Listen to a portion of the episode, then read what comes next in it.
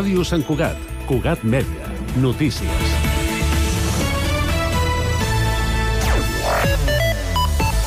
Molt bon dia. Comissions Obreres del Vallès Occidental i del Vallès Oriental reclama celeritat en la tramitació per connectar les dues comarques amb ferrocarril. En un comunicat, el sindicat assegura que cal avançar en unir les línies R4 i R8, d'acord amb l'aprovació del Ministeri de Transports de la licitació de l'estudi informatiu per a connectar-les. Assegura que es donaria resposta a l'alta demanda de mobilitat existent entre els dos vallesos i reclama que es tingui en compte el model de finançament de les obres en ple procés per transferir la gestió de Rodalies a la la Generalitat. És dimecres 15 de novembre de 2023. També és notícia que el Banc dels Aliments fa una crida als santcugatencs a apuntar-se com a voluntaris i coordinadors per al gran recapte d'aliments d'enguany que se celebrarà el 24 i el 25 de novembre. En total es necessiten 20 coordinadors, un per a cada establiment que recollirà aliments. Ah, també en aquest sentit, Jaume Ibars, que és coordinador del Gran Recapte Sant Cugat, ha explicat que la manca de coordinadors en un supermercat pot provocar que no es pugui fer la recollida dels aliments. El govern preveu declarar la propera setmana l'estat de preemergència per sequera al sistema Ter Llobregat. Així ho han anunciat aquest dimarts la portaveu del govern Patricia Plaja i el director de l'ACA Samuel Reyes en la roda de premsa posterior a la reunió de la Comissió Interdepartamental, Interdepartamental de la Sequera. Diuen que, de fet, la setmana passada el volum d'aigua al conjunt dels embassaments de les conques internes va caure per sota dels nivells més baixos fins ara que dataven de fa 34 anys.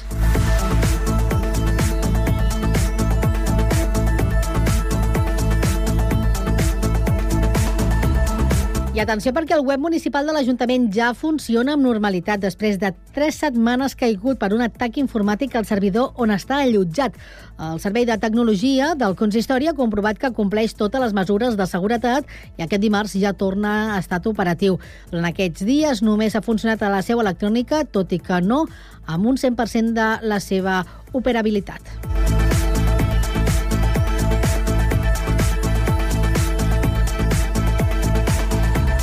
Res més per ara. La informació torna d'aquí una hora la mateixa sintonia. Recordin el 91.5 de la FM i constantment a internet a www.cugat.cat.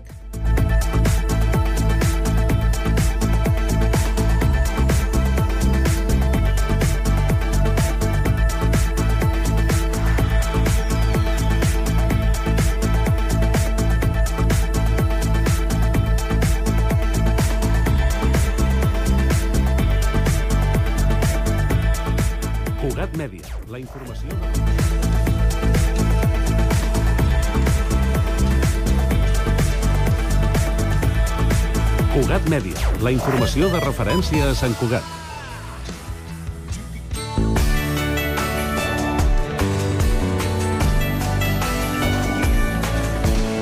Ràdio Sant Cugat, Cugat Mèdia, 91.5 FM.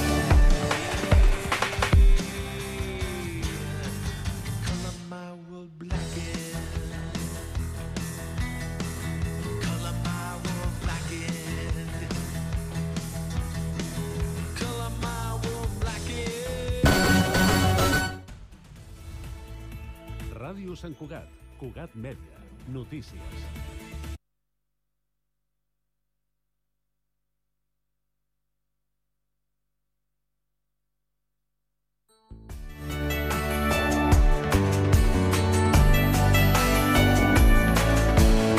Ràdio Sant Cugat, Cugat Mèdia, 91.5 FM.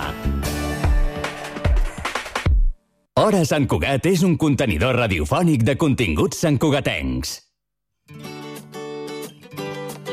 Continguts en xarxa.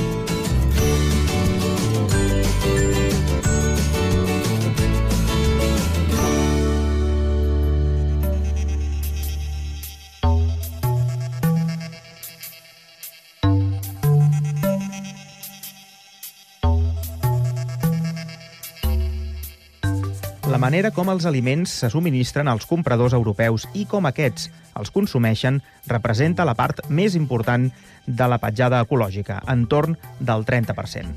Aquesta és la principal conclusió d'una investigació coordinada per científics especialitzats en sostenibilitat de Global, Global Print Network en col·laboració amb experts en sistemes alimentaris i amb la participació d'Anna Bach. investigadora del grup Food Lab i professora dels Estudis de Ciències de la Salut de la Universitat Oberta de Catalunya, publicada a la revista Nature Food. L'estudi assenyala la necessitat de dissenyar i implementar polítiques que s'hagin de complir obligatòriament per cada etapa de la cadena de subministrament alimentari, amb la finalitat d'avançar cap al Pacte Verd Europeu. En parlem amb Anna Bach. Benvinguda. Hola, què tal? Quina és la part de la cadena alimentícia més, més contaminant?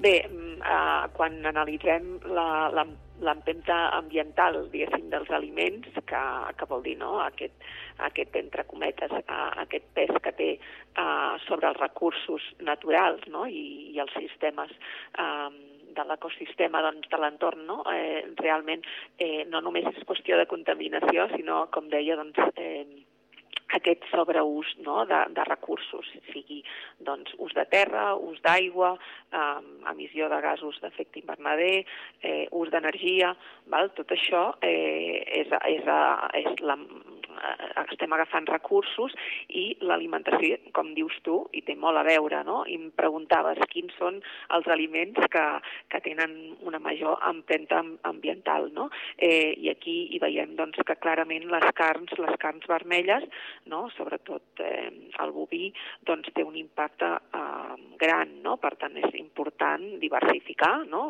Que hi hagi també altres tipus de carns, no? Eh, i, i tipus aus, eh, porc, etc, no? que també eh, per, per minimitzar i que no tot estigui cap a aquest tipus de carn, perquè al final un plat de verdura, ai, un plat de carn equival a 20 amb, de verdures, no? Llavors la dada és, és bastant impactant i per tant cal que hem de posar el plat no només per motius de salut, eh, ha de, el que ha de pesar més és d'origen vegetal, no? siguin les fruites, les verdures, les llegums, eh, tot això i els cereals, doncs ha de ser el que ha de pesar més i a complementar amb aquestes proteïnes eh, sigui d'animals o vegetals que, que ens ajudin no? a, a acabar de, de, de tenir una, una composició adequada. Uh -huh. um, parlem també del, del transport no? d'aquests aliments, és a dir, com que no estem executant el, el quilòmetre zero, diríem, com segurament s'hauria de fer, o com es feia, diríem, al principi de, de, de quan ens alimentàvem, diríem, al principi de la humanitat, eh, aquest és un altre gran problema, no? De, és a dir, si consumim verdures però venen totes, no sé, de l'altra punta del món, potser mm, estem fent una, diríem, substituint una cosa per l'altra, però, però contaminem, contaminem igual. Exacte, és a dir, el, el fet doncs, de tenir uh, cadenes molt llargues doncs, sí, també té un impacte, no? sobretot aquests que venen no, de països tropicals, val? que venen sobretot de molt, molt lluny. No?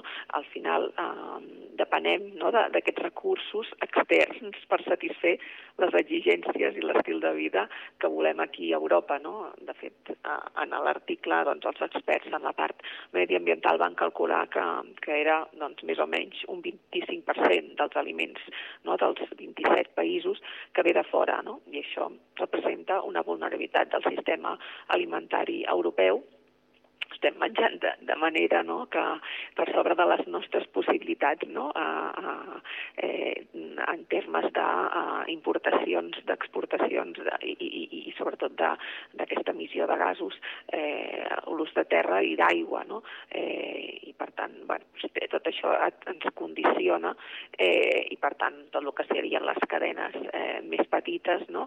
que ja ho vam veure amb el Covid no? I, i de fet ha quedat demostrat amb la guerra d'Ucraïna, no? Que, que encara eh, feia, posava més de manifest la vulnerabilitat no? de les cadenes de subministrament. Per tant, tot el que seria producte local doncs, ens ajuda, no? no només per la part econòmica, sinó per totes aquestes altres dimensions de la sostenibilitat. Uh -huh. I aquest és un mal, entre cometes, exclusivament europeu o és un mal occidental? El, el de consumir per sobre del, del que produïm? Sí, jo crec que a la mesura no, que, que, que les les poblacions deixen, eh, no? ha aquesta transició nutricional cap, i, i, i volem, no? Uh, anem cap a un model occidentalitzat, no? El, la Western Diet que es diu, no? que, que, que hi ha eh, doncs, més proteïna animal, eh, més greixos, eh, sucres, eh, eh, simples, no? que, que per tant fem una dieta eh, més homogènia, eh, més anglosaxona, no? per aquí, per reconèixer una mica el patró, doncs eh, tot, tot això s'accentua no? de, de, de consumir per sobre les possibilitats, no només perquè hi posem molta proteïna animal o molt producte d'origen animal, sinó perquè també eh, acabem doncs, sense eh, doncs buscar el producte local de temporada, eh, que és el que eh, ajudarà no? a, a, a, a reduir l'empremta ambiental. -huh. um, es parla molt, no?, de la... A, torno al, al que comentaves al principi de, de la carn, sobretot del, del boví, no?, de, de, de la seva petjada ecològica.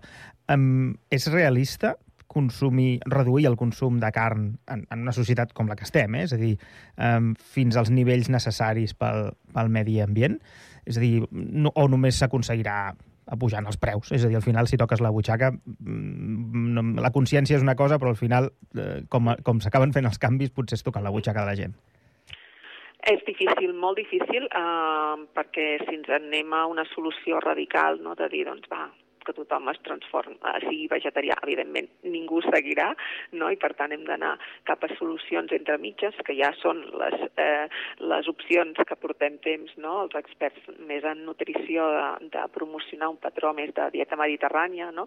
on la carn doncs, té un paper mm, no, més per donar gust i que no sigui la major part no, de les proporcions del nostre plat, eh, tant en en proporcions com en freqüència, no? i per tant eh, hem de, de vigilar perquè al final és l'alimentació un dels impulsors de la transgressió dels límits planetaris. No? Llavors sí que estem en una situació compromesa, llavors les situacions entremitges són les que ens ajuden perquè hi haurà més seguidors i perquè també ens ajuden a, a, que, a entendre que no només és quina proteïna mm, a, a animal posem, no? és a dir, sinó també l'origen i tots els altres aspectes, no?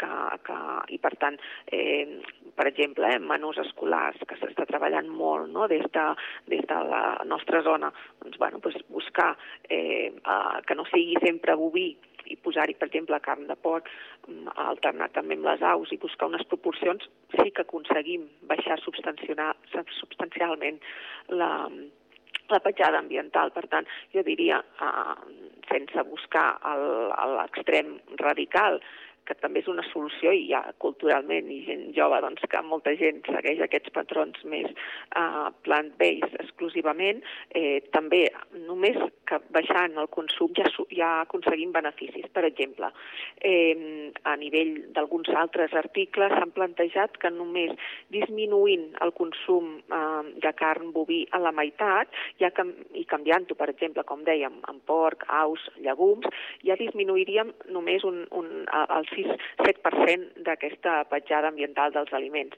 També tenir en compte un aspecte mm, que, que no tenim en compte, que és que un terç del que mengem acaba a, a, a, a, doncs l'acabem a les escombraries. a les escombraries, per tant eh, aquest food waste o les pèrdues alimentàries o aquest desperdici alimentari, eh, si l'evitéssim, ja només això disminuiríem un 13% la, la, la petjada ambiental no? a nivell i, i, i a Espanya eh, després de França doncs, eh, ten tenim un, un, una, un gran malbaratament d'aliments i, i canviant aquests aspectes doncs ja eh, suposaria no? Un, una disminució gran. Per tant, jo crec que no ens hem de quedar, i la pel·lícula no és tan blanc o negre, sinó que eh, a nivell de polítiques, a nivell de les accions que podem fer també els individus, hem d'anar a, a, a, a, a canviar molts aspectes, no només doncs, canviar exactament el tema de la carn, però sí molts aspectes que poden ajudar a, a canviar, no? Unes, unes polítiques, per exemple, hem de mirar-ho més globalment, no? No hi ha unes, unes, una, unes directrius, doncs eh, hem d'anar més enllà de polítiques comercials, eh, eh, hem d'anar a garantir l'accés suficient i saludable de, dels aliments sostenibles. Com deies tu, si la barrera del preu és molt important, també eh, doncs aquí, eh, si no hi ha aquest accés, eh, doncs tampoc no, no ho aconseguirem, no? i per tant eh, s'ha de veure reflexat amb, amb que sigui una opció real, no?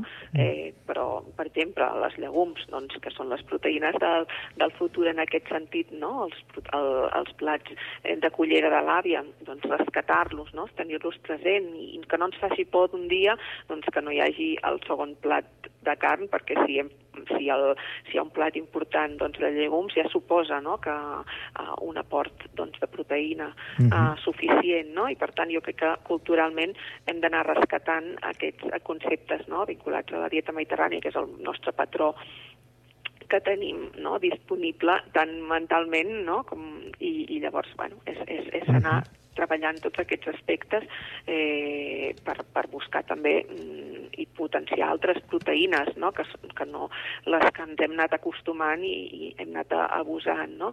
Um, i, I això, per exemple, amb, amb, ja s'està treballant amb polítiques de contractació pública que donguin exemple, que vagin transformant el sistema eh, i, i bueno, pues tot això una mica en, en, en buscar diverses solucions canviant no, aquest model eh, no, de, de forma sistèmica tot aquest eh, sistema alimentari, eh, que és molt mm -hmm. complex. Molt bé. En un podcast anterior vam parlar amb un responsable de l'IRTA, precisament, mm -hmm. que està treballant en les proteïnes alternatives i, i en vam parlar bastant. Per tant, aquest és el, el camí, evidentment, assenyalat i, i a veure com, com s'hi va cap allà. Moltíssimes gràcies, Anna Bach, investigadora del Food Lab, grup de recerca dels Estudis de Ciències de la Salut de la UOC. Gràcies a vosaltres, Albert.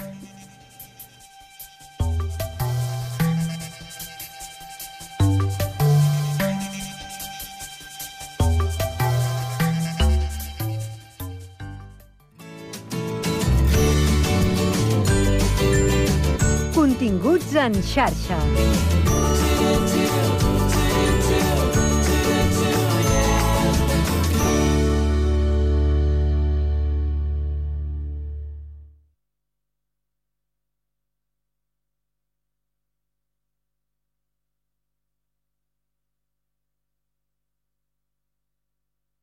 Cugat Ràdio 91.5, la ràdio de Sant Cugat.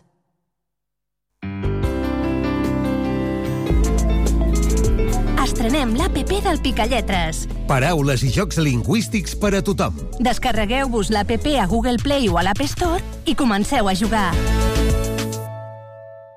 Gaudeix de la música amb nosaltres.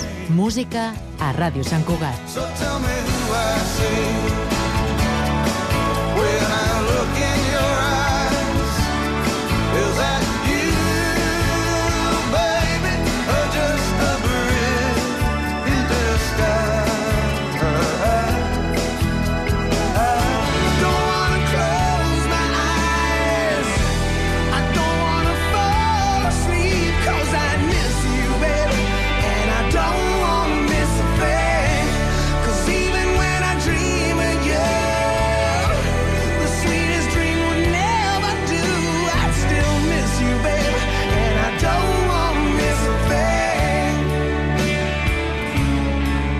Música a Ràdio Sant Cugat.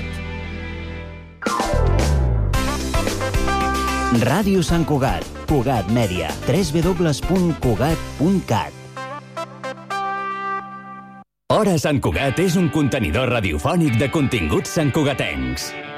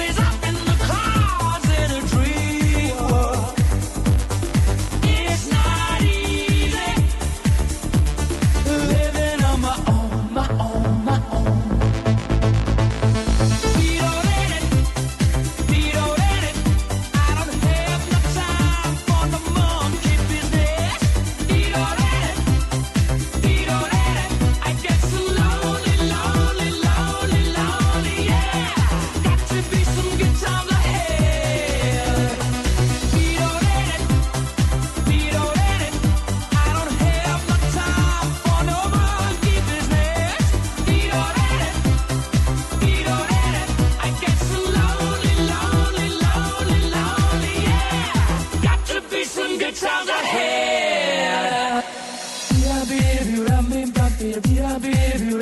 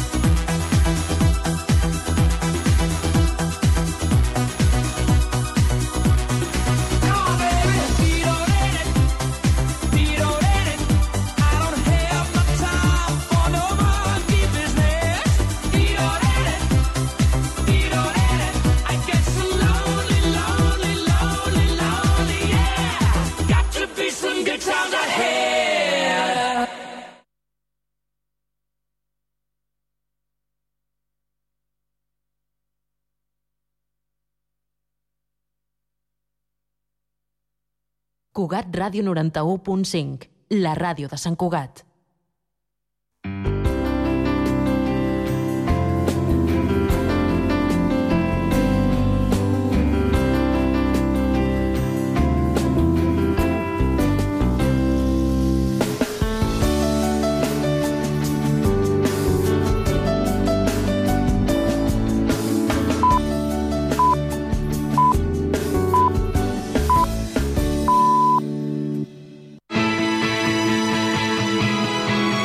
Entitats. Estàs a Ràdio pensant Sant a posar Cugat. plaques solars?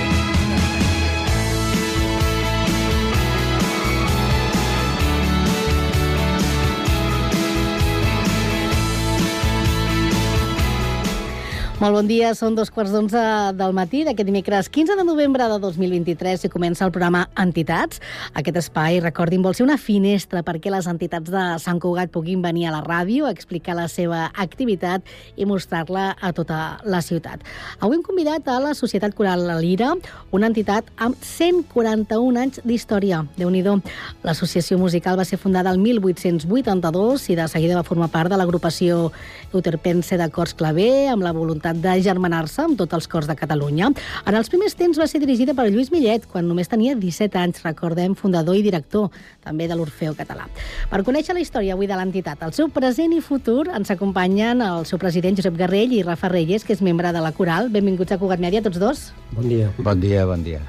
A les entitats que ens visiten sempre els hi pregunto que com han estat aquests anys d'història, com va ser els inicis. Vostès als inicis no hi van ser-hi, aquests 141 anys d'història, però sí que em poden explicar com ha estat la història de Bé, la Lira. Sí, bé, eh, això és una, una bona pregunta perquè eh, l'any 28 mm, passat doncs vam fer, no, aquest any, eh, dintre dels 140 anys de- d'existència, vam fer un concert retrospectiu en el qual el primer president, el senyor Ramon Musella, Musella tenia una conversa amb mossèn Cinto Verdaguer pel tema coral, musical i de, eh, líric que tant un, mossèn Cinto, com la Societat Coral de Lira, en aquells anys doncs, eh, ja propiciaven pel el cant i la tradició de, de la cançó catalana. I llavors, com, com recorden vostès aquesta història, eh, com ha evolucionat la Lira Bé, en eh, aquests anys? Bé, el, el, el, en aquell anys, tal com eh, eh, molt, bé, molt bé has dit, eh, el mestre Lluís Millet, que era un, un noi jove inquiet eh, amb el tema musical, eh, el portaven amb tartrana des de Barcelona fins a Sant Cugat i depèn de quina hora era el vespre que acabaven els assajos, doncs es quedava a dormir a casa d'algun soci. I llavors va estar, va estar aquí des del 1883 al 84. Després ja, com que eh, en el a Europa eh, aquells anys ja van començar a haver-hi els grans cors de, que acompanyaven en el senyor Gran Wagner, doncs eh, feien aquells cors tan importants que eh, agafaven des de sopranos, a contrals, a tenors, a baixos, i tot això van, eh, va fer que amb el senyor Amadeu Vives van fundar l'Orfeo Català. Però nosaltres tenim el goig de dir, bueno, eh, eh, va venir a saber eh, el senyor Millet com era la tradició del cant coral claverià, que és claver, va ser el que va fundar el primer cort en tota Espanya, que era el cort Euterpe, que va ser l'iniciador dels cors de tot, de tot Espanya. Després ja van venir els bascos i van venir tota el, la, la gran munió de, de grans, grans cors que, que hi ha hagut en aquest país i que han donat molta glòria a la cançó tant catalana com castellana, com euskera, com gallega. I d'aquests 140 anys d'història, el Josep i el Rafa, quan van començar? Quants anys porten d'aquests 141 dintre l'entitat? Bueno, jo soc més nou que ell, porto 30 anys. Ja... Déu-n'hi-do, més nou, però 30. 30 anys. I, bueno, és, mm, els vaig veure cantar a la inauguració del Parc Central i vaig dir, jo he de cantar aquí, ja tenia amics a dins del coro, i la veritat és que, bueno, han passat volant aquests 30 anys, eh, plens de, de, bons moments, perquè a més a més hi ha molt bon, molt bon rotllo, com es diu avui en dia, i, i aprenent cada dia més, perquè tenim un mestre que ens apreta molt les, les túriques i ja ens va bé, perquè amb el tema de, de coordinació ens, ens facilita. Jo sempre he tingut un molt bon record i tinc un record ara aquí pels que han marxat que quan fèiem excursions i demés eren un pou de sabidoria del que era la vida del poble, que de, per què es diu aquesta casa cal tal o cal qual. això es diu per això, per això, per això. I bueno, molt feliç. Ell porta molt més que jo. Quants portes, Josep? Bueno, jo vaig entrar als 16, en tinc 76, perquè abans, no, abans de 16 anys no, no et deixaven entrar al coro. Hi havia una, una llei seca que no et deixaven entrar. O sigui, fa 60 anys, no? Sí. Mm -hmm, 60. I la teva experiència? Bueno, la meva experiència, eh, clar, jo vinc de que els meus tios, el Miquel Garrell i l'Àngel Garrell, eren del, de la ciutat Coral de Lira, i ja vaig entrar quasi per, per, per eh, tota la meva colla de, de companys que anàvem a cal al col·legi Esqueta, i a més a més el mestre era el Xavier Esqueta, i vam entrar allà tota una colla de cantaires, i l'experiència, bueno, és brutal, encara hi soc, i, i, i de moment, en aquest, fins ara, avui, avui soc president, o sigui que eh, imagina't la trajectòria que, que he pogut tenir eh, amb, amb totes les eh, efemèrides o tots els, els concerts que hem fet, amb, amb gran goig, hem pogut, eh, durant tots aquests anys, els últims anys més, perquè érem més colla des de que vam fer el 125 aniversari, l'any 2007, doncs, molts dels altres cantaires... El problema és un tema, un tema laboral i un tema familiar. Quan un xicot eh, jove eh, venia a cantar al coro, eh, eh, o anava a la mili en aquella època, i llavors costava tornar a venir perquè llavors agafava xicota i llavors eh, les coses, mm, si la xicota estava dintre de, del, del tema no hi havia cap problema perquè molts tornaven o tornàvem i, i continuàvem dintre de, del cor o tornaven més tard o el tema laboral, com ells es va trobar que el seu to- horari laboral era incompatible per voler venir a ensejar. Per tant, ell continuava sent soci cantaire, per dir-ho d'alguna manera, Mhm. però no podia venir a ensejar, i llavors, clar, no, si no vens a ensejar no pots cantar. Perquè assageu molt? Bueno, ensegem dos dies a la setmana. El nostre mestre és molt, molt exigent, és molt bo, estem molt contents de l'Eloi Jové i allà on anem diuen, eh, oh, esclar, sí, tenim el mestre Eloi, eh, com no heu de cantar bé. O sigui que eh, estem, la gent ens, ens considera, a part de, dels cantaires que som, pues que el mestre té una, una línia de conducta perquè també havia treballat en el Liceu i té, fa moltes coses també per temes musicals. I dos dies a la setmana, quins dies, a quines Eh, hores? Assagem el dilluns i el dijous de 7 a 9 a la Casa de Cultura, perquè clar, l'espai que, que nosaltres necessitem per assajar pues, som, a vegades pues, eh, ja et dic eh, quan s'acosta diguéssim la festa major que tots els efectius que és i estiu i el, les reumes, els genolls i totes aquestes coses funcionen millor pues, llavors podem ser 45 o 47 o 48 perquè mm, vostès han estat molt vinculats sempre a la vila de Sant Cugat, no només ha fomentat la cultura, col·laborant amb els principals actes associatius i musicals de la ciutat, sinó que a més han preservat les tradicions catalanes, com les caramelles, en les diades de Pasqua de eh, Resurrecció, però és que a més oferiu concerts i un gran ventall d'actuacions durant tot l'any. És a dir, que sou una entitat molt activa, tot i l'edat de molts dels cantaires. Sí. Ara també parlarem una mica d'aquesta tot, tot i així, edats. com, tal com dius, eh, el que també sempre fem és integrar dintre dels nostres concerts, sempre que podem, a totes les associacions de, de, de Sant Cugat. De Sant Cugat. De fet, ara, d'aquí poc, el concert de Santa Cecília, Mhm. que em sembla que es farà el 25, per Sí, això? sí, sí, el sí. 25, juntament amb altres entitats corals. Sí. Què ens espera els santcugatencs en aquest concert, Rafa? Bueno, eh, ja és una tradició aquest concert de cada any. Mm, el, tot el públic que ens ve pues, té ganes de sentir bona música, cançons, eh, no és per dir-ho, ens espera, esperen veure'ns, escoltar-nos, i la veritat és que estem preparant amb molta il·lusió aquest concert, amb unes peces que estem treballant molt, molt de debò, d'una forma molt dura. A vegades dius, ostres, que bé que ha quedat, però el mestre mai està, el mestre de l'Eloi Jové mai està content. Explicar que és una activitat més, com va dir l'Eloi Jové a la memòria, Sant Cugat va passar de poble a vila, de vila a ciutat. Això el que comporta és que hi ha les tradicions, la cultura, la llengua, que ha d'anar eh, evolucionant, que no sempre evoluciona al mateix nivell. I nosaltres, dintre, amb la lira, sempre eh, hem estat en allà. Amb resiliència, com és una paraula que, que després de la Covid es va posar molt de moda, perquè hi ha hagut moments molt durs i, i sempre amb, amb molt bona actitud i molt bona predisposició cap al poble. Perquè eh, la pandèmia, totes les entitats que han estat passant aquest darrer any aquí, perquè nosaltres també hem reprès una mica el contacte que s'havia perdut, els ha, va tocar molt, perquè, clar, les entitats intenten, doncs, això, trobar-se, fer germanor, col·laborar, voluntariat, etc que allò es va aturar. En el cas vostre, que a més, clar, heu de cantar, allò va ser... I junts, I junts, junts. i sense mascareta, perquè si no, no se s'entenia, no? Perquè fins i tot veu arribar a cantar mascareta, Sí. que s'arribaven a cantar mascareta Sí, sí, quan es sí. va... Com, com recordeu aquella experiència i com va ser aquest sotrac? Molt, molt, molt malament. Ho recordem molt malament perquè eh, això no ho havia explicat, però jo vaig ser el primer que vaig agafar la Covid. O sigui, el 13 de març van tancar-ho tot i jo el 16 ja era a l'hospital i no els hi vaig dir fins que va passar un mes o dos perquè no se n'enteressin. i després el que, el que sí que vam fer va ser que vam fer una espècie de, de en comptes de fer el concert de festa major, que no el vam poder fer, eh, com que nosaltres estem molt contents dels joves, els nostres joves tenen 50 anys, i eh, eh, eh, tenen totes les tècniques modernes que, que hi ha ara i ens van fer una retrospectiva, un CD de retrospectiva de cançons que havien fet per poder almenys dir que, que sí que cantaven per, per festa major i que algú sortiria.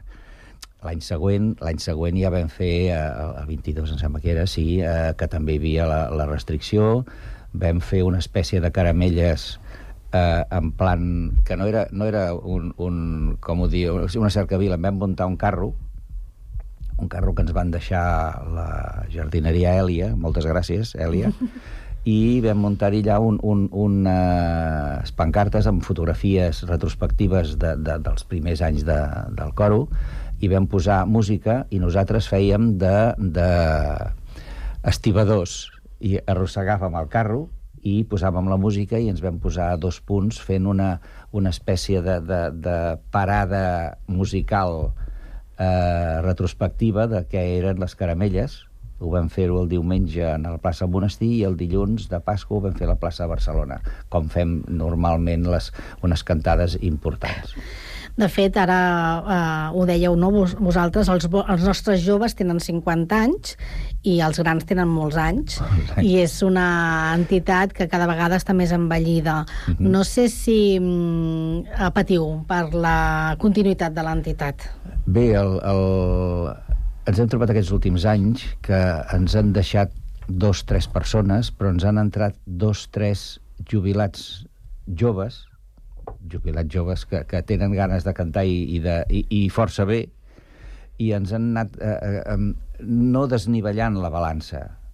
El que passa que, clar, eh, hi han altres que també tenim, tenim eh, les queixes de, de l'edat i llavors pues, a vegades pues, no podem anar a assajar o últimament hi ha hagut una passa de catarates que amb alguns no els hi ha anat massa bé i jo estic operat de catarates i estic, jo dono gràcies a Déu perquè m'ha sortit la mar de bé i toco fusta i altres no els hi ha anat tan bé perquè cada persona o cada sistema o cada manera o cada cosa té el seu intríngulis que dic jo, no?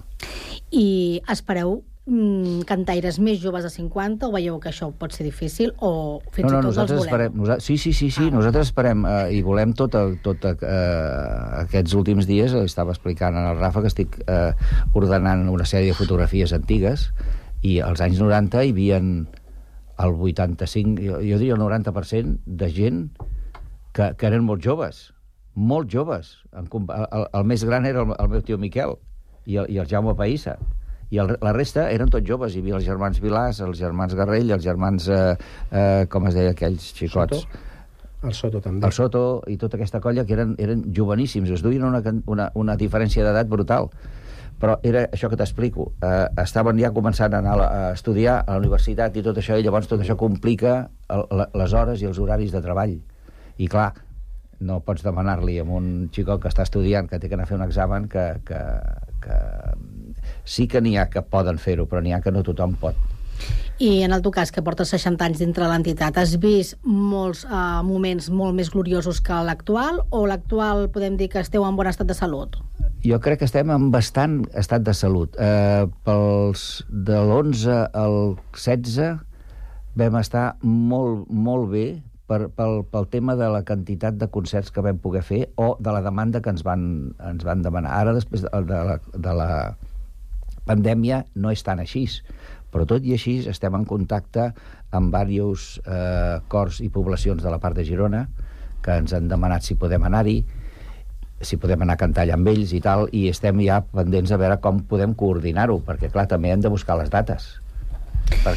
I vosaltres és una entitat, una coral formada per homes i això té un per què. Oi? Que Sí. molta gent diu, ai, només hi ha homes, per què no hi ha dones? Però això té un per què. Bé, nosaltres... Nos... Bueno, a Sant Cugat no es pregunten tant perquè ja ens coneixen. De fet, eh, hi ha diferents tipus de corals i la nostra és només de veus d'homes perquè així pues, eh, es va crear en, en el seu moment i continuem aquesta tradició que molt pocs cors ho fan. Llavors, mm, tampoc ha vingut una llista de, de dones demanant cantar, però jo penso que és, bueno, es manté una tradició, és una tradició que avui en dia poder eh, no és lo... xoca una miqueta, però també hi ha mm, coros de dones només, coros, coros mixtes, etc. Amb aquest aspecte, i encara que canvi una miqueta el tema, jo estic fent una miqueta de proselitisme amb els meus, dos dels meus nets, que són nens, per veure si canten quan siguin més grans. Però les que canten més són les nenes. Bueno, però eh, això, és mantenir una tradició i, i continuar com es va fundar la, la, la, societat, la societat coral.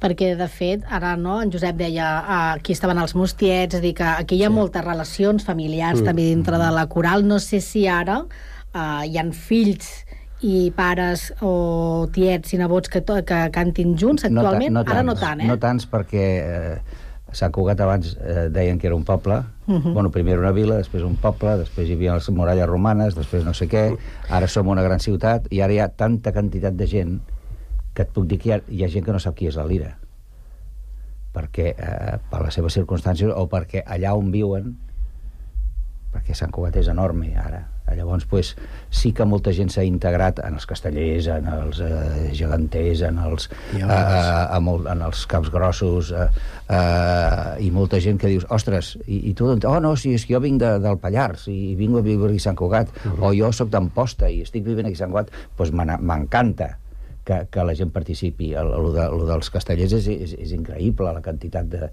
de gent que hi ha que, de tot arreu, i, i que estic contentíssim de que hi siguin. Però, home, també que vinguin a cantar el coro. Nosaltres estem encantats de que vingui gent. Ara hi ha un, un, xic, un que no és un xicot, sinó que és també gran, que viu, em sembla que va dir que vivia eh, a vora, allà baix a Tarragona, però que passava la setmana aquí a Sant Cugat i que cantava amb nosaltres. Dic, ostres, això és, eh, això és una delícia. Clar, dius... Molt A la gent bé, li no? costa, eh, sortir de casa, involucrar-se, conèixer una ciutat nova, el que hi ha, oi que sí? Cada eh, vegada més. Això també, i després també ens hem trobat això que deies de les diferències de, de les edats, que molts dels grans pues, es troben que, que eh, ara això tot això ha canviat. Ara els, els avis ens hem de cuidar dels nets, perquè els pares treballen, i això condiciona moltíssim. Perquè eh, eh, dius, escolta, que eh, hem d'anar a fer això. Diu, és que avui, avui tinc els nets. Ostres, dic, doncs els nets, clar, això és, és primer. Bueno, primer la salut. Si no estàs salut no pots cuidar els nets. I llavors dius, ostres, eh, eh, tal... Oh, I tot això condiciona moltíssim, a vegades, poder estar en tots els moments o tots els assajos, perquè també hi ha, hi ha gent que, per les seves circumstàncies laborals, eh, el, di el dijous té que fer una sèrie d'actes que, que no pot venir. Uh -huh. I llavors dius, eh, és que el mestre no em deixarà cantar. Tu vine el dilluns, vine cada dilluns, vine cada dilluns, que et posaràs al corrent i no tens cap problema. Però vine. Clar, si faltes ja llavors... Ah, clar, clar, llavors no d'això, però eh, també ens hem trobat de que, clar, molt, molts de gent, la, la parella, que ja són grans, pues, eh, eh, abans, eh, abans pues arribaves a casa i tenies el, el menjar a la taula, però ara no, ara els homes pues, fan més, més, són més de cuiners que no pas que, que, que les dones, pel, que sigui, per les circumstàncies. I llavors, pues, clar, depèn de quina hora tens que anar a assajar, pues, tens que fer les, les tasques que et toquen. I primer és això. I, I la Lira col·labora, com dèiem abans, i vosaltres heu dit, amb altres entitats de la ciutat, sempre en diferents esdeveniments. I com és aquesta relació de les entitats? Sant Cugat és una ciutat amb molt molta bona. entitat. La coordinadora té, té molta bona mà en fer, eh, la coordinadora d'entitats, Mhm. amb tot això. O sigui, nosaltres quan vam eh, pensar que un dels primers actes que vam fer del 140 aniversari fos un, un record a la memòria primer dels cantaires que ens havien deixat i dels nostres mestres, els grans mestres que hem tingut, que són el Josep Ansat Clavé i el Lluís Millet, de fer aquella festa de record en la qual pues, eh, van venir, vam cantar el Pagali Joan, que el va ballar, el van ballar els gegants, vam eh, fer una cercavila en la qual hi havia els, els, els caparrots, hi havia els cercolets, hi havia els sardanistes, hi havia, eh, hi havia l'esbart, hi havia la Mediterrània. Eh, eh, per ells va ser el primer acte que van poder sortir de la Covid. I, i nosaltres sabíem que hi havia ganes de poder fer encara no podien venir i que eh, ens, eh, torno a dir que es van oferir els, els, de, els castellers, però encara no podien, amb tanta massa de gent no es podia bellugar.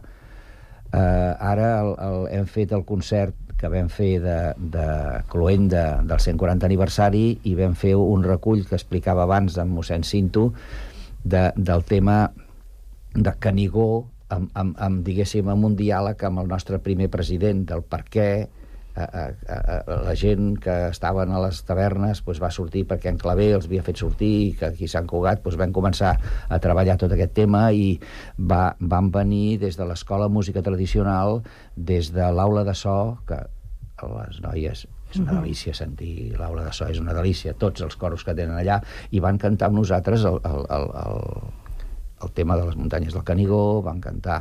Eh, van ballar Pagli Joan, a la coordinadora del Pagli Joan, o sigui, tenim sempre l'interès de que el màxima societats, associacions culturals hi hagin de Sant Cugat puguin i nosaltres poder ajudar a, amb ells a, a que ells fagin coses. L'Esbart eh, ara també ha adaptat el, a la Font del Roure, que la ballen, eh, en els espectacles que tenen, perquè és, és molt bonica la cançó, i és la primera cançó que el Josep Ansel Clavé va escriure en català perquè abans no es podia. I això era el 1856. Mm -hmm. I per anar acabant, l'estat de salut de la cultura de Sant Cugat, que li poseu bona nota o no? De la cultura a nivell general Sí. de Sant Cugat. Creieu que Bueno, hi ha eh, una bona, ba- una bona base cultural, vosaltres que també formeu part d'aquesta entitat eh, cultural? Particularment penso que sí, penso que sí. Després de sortir de la pandèmia, a més a més, la cosa es va incrementant. Eh, com diu el Josep, hem col·laborat amb altres entitats i aquestes entitats van col·laboren amb nosaltres. De fet, el, amb el concert, eh, veure aquella, aquells nens i nenes cantant amb nosaltres, ja a la- a l'assaig amb alguns ens va emocionar, Ens va emocionar, cantant ens va emocionar, sí, sí. I allà, pues, o, que era la Mediterrània la que va ballar el, o l'Esbar, al Font del Roure. Font del Roure, Font del Roure. l'Esbart. L'Esbar. Jo quan van sortir els I ballarins i, després veure com ballaven, Sí, sí. mm, i quasi, quasi sí, sí. perdo el fil de la cançó. De No, lo i el feien. Joan també va ser molt També, bonic, molt bonic. perquè a més a més el van ballar fantàstic, el Roger i tota aquella co- colla Sí, de nois sí, que, bueno, que ens coneixem tots, tots encara que siguin de diferència d'edat, ens coneixem perquè eh, coincidim en molts llocs. en molts tots junts, actes, en molts llocs, actes. sempre hi ha molta vida Sí, sí, sí, cultural molta i vida. social. Hi ha molta vida a Sant o sigui, Cugat. que la, la, la, el nivell jo crec que continua alt i, i a Sant Cugat el nivell és molt alt, perquè Mm. és allò que dic, que nosaltres hem anat a, a la Catalunya Nord a cantar i ens diuen, cuidado, que venen de Sant Cugat, eh? Mhm. I això, eh, i això ja et dius... Bueno, nosaltres ja ho, ho fomentem. Cuidado que venim de Sant Cugat, i llavors ja ho saben.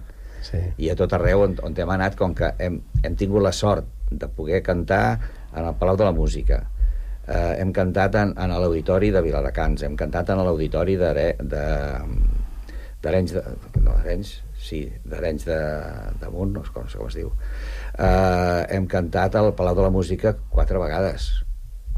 Eh, uns fent de, de, de taloners, uns altres fent de, de participant en la mostra, després també participant en la cantata Tres anys ja ens van sent, que també era un tema molt, molt, molt de tradició cultural i de, de ferma tradició, o sigui, de, de empenta catalana, que, que la va fer molt bé aquell xicot de, de Juneda, el director molt bo, i, i que ho vam fer-ho en l'auditori també dues vegades i ho vam fer-ho a, a Juneda i, i clar, tot això eh, enriqueix, enriqueix que la teva cultura cada vegada puja més, perquè nosaltres estem trobant i ara eh, eh, estem trobant partitures que teníem, diguéssim, com d'allò de- d'en Morera, de, de, de Redoreda, i clar, el, el mestre diu, ostres, què tenim aquí? Escrites per Guimarà. Pues tot això hem de cantar-ho. Clar. I ja estem preparant partitures per poder anar fent de cara a, a, a l'any que ve poder fer aquestes partitures i poder-les fer coses increïbles que, que ja aniran sortint, que encara no és ara el moment d'explicar-les, i dius, ostres, com és que la Lira canta això? Ostres, és que la Lira, en, amb l'Orquestra Simfònica de Sant Cugat, hem cantat cors d'òpera amb la... com es diu la soprano que cantava la pandèmia? Ah, no, no era la Júlia, no? No, no, no, no, la soprano, aquella que vam fer el programa de TV3. Ui, jo ara mateix m'agafes que no sé quina eh, em dius. eh, amb aquella soprano tan bona vam cantar i hem cantat eh, amb la Júlia Ferrés Llongueres Sí. eh, peces de- de- de- d'òpera Uh, hem cantat en finlandès que l'altre dia em deuen, si, si, només cantem en català no, hem cantat en finlandès I ara estem treballant una cançó que cantarem en rus. Vam cantar amb no sé... Dius, bueno, eh, ens anem, anem trobant coses que, que són boniques perquè la gent les conegui, perquè són poemes deliciosos, són versos eh, encantadors i dius, ostres, doncs eh, hem de fer-ho. I de futur, quins objectius us marqueu? Bueno, això, això és una, sempre és la pregunta aquella de quins objectius. El, el que a nosaltres ens agradaria és que, que com hem dit abans, pues, si venen 7 o 8 o 9 o 10 cantaires més, eh, eh, el so el so de la lira sonarà millor perquè és com eh, ens diu el mestre diu, jo vaig venir amb vosaltres pel so que teniu no perquè ens sapiguéssiu més o menys perquè això ja ho arreglarem i, i clar, el so, el so sentiu un cor de, de veus com les nostres que venen d'una tradició i una antiguitat. No és que siguem antics, som grans només. I a nosaltres ens encanta. Doncs ja ho saben, qui vulgui formar part d'aquest cor de Societat Coral La Lira amb tants anys dilluns i d'història, dijous de 7 a 9 estem a la Casa Cultura. Apuntin-s'ho i vagin, que tindran un lloc. benvinguts sempre. Sempre, sempre. Doncs hem parlat amb Josep Garrell i Rafa Reyes eh, de la Societat Coral La Lira. Moltes gràcies per haver vingut a Ràdio Sant Cugat avui. Gràcies a vos.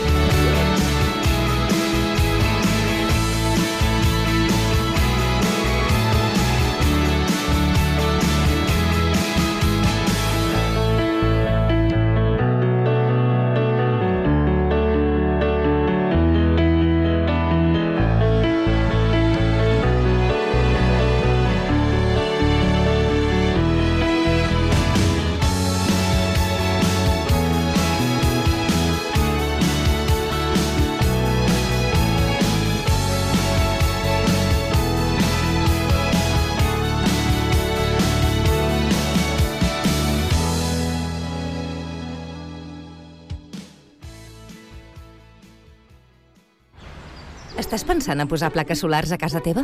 Doncs passa't a l'energia solar de manera fàcil i segura amb la teulada, experts en energia solar i el nou espai d'assessorament per a la ciutadania i les empreses. Informa't a la teulada arroba amb.cat o contacta'ns per WhatsApp al 645 725 465. La teulada és un servei de l'AMB finançat amb el Fons Europeu de Desenvolupament Regional. AMB, Metròpolis de Barcelona. Cugat Mèdia ofereix un servei per rebre l'actualitat més destacada de Sant Cugat a través del WhatsApp. Què rebràs? Les notícies més importants, els avisos d'última hora o les incidències de la teva ciutat. La informació més propera al teu mòbil. Com et pots subscriure al canal de WhatsApp? Envia un missatge de WhatsApp que digui alta al 673 172 075 i segueix les instruccions de subscripció. L'actualitat més propera al 673 172 075. No és el mateix ser els integrants del millor grup de la història que ser el millor grup de la història. Per això, el grup català Occident serem Occident, perquè per continuar assegurant-ho tot, tot i tot, ens havíem d'ajuntar tots, tots i tots. Entra a seremoccident.cat. Connectats. Una experiència radiofònica a Sabadell. Ràdio Sabadell, 94.6. Terrassa. Ràdio Municipal de Terrassa, 95.2. Sant Cugat. Ràdio Sant Cugat, 91.5. El Prat. El Prat Ràdio, 91.6. Castellà. Ràdio Castellà, 90.1. I Badalona. Ràdio Ciutat de Badalona, 94.4. Cada tarda de 4 a 6, connectats. Estrenem l'APP del Picalletres. Paraules i jocs lingüístics per a tothom. Descarregueu-vos l'APP a Google Play o a l'App Store i comenceu a jugar.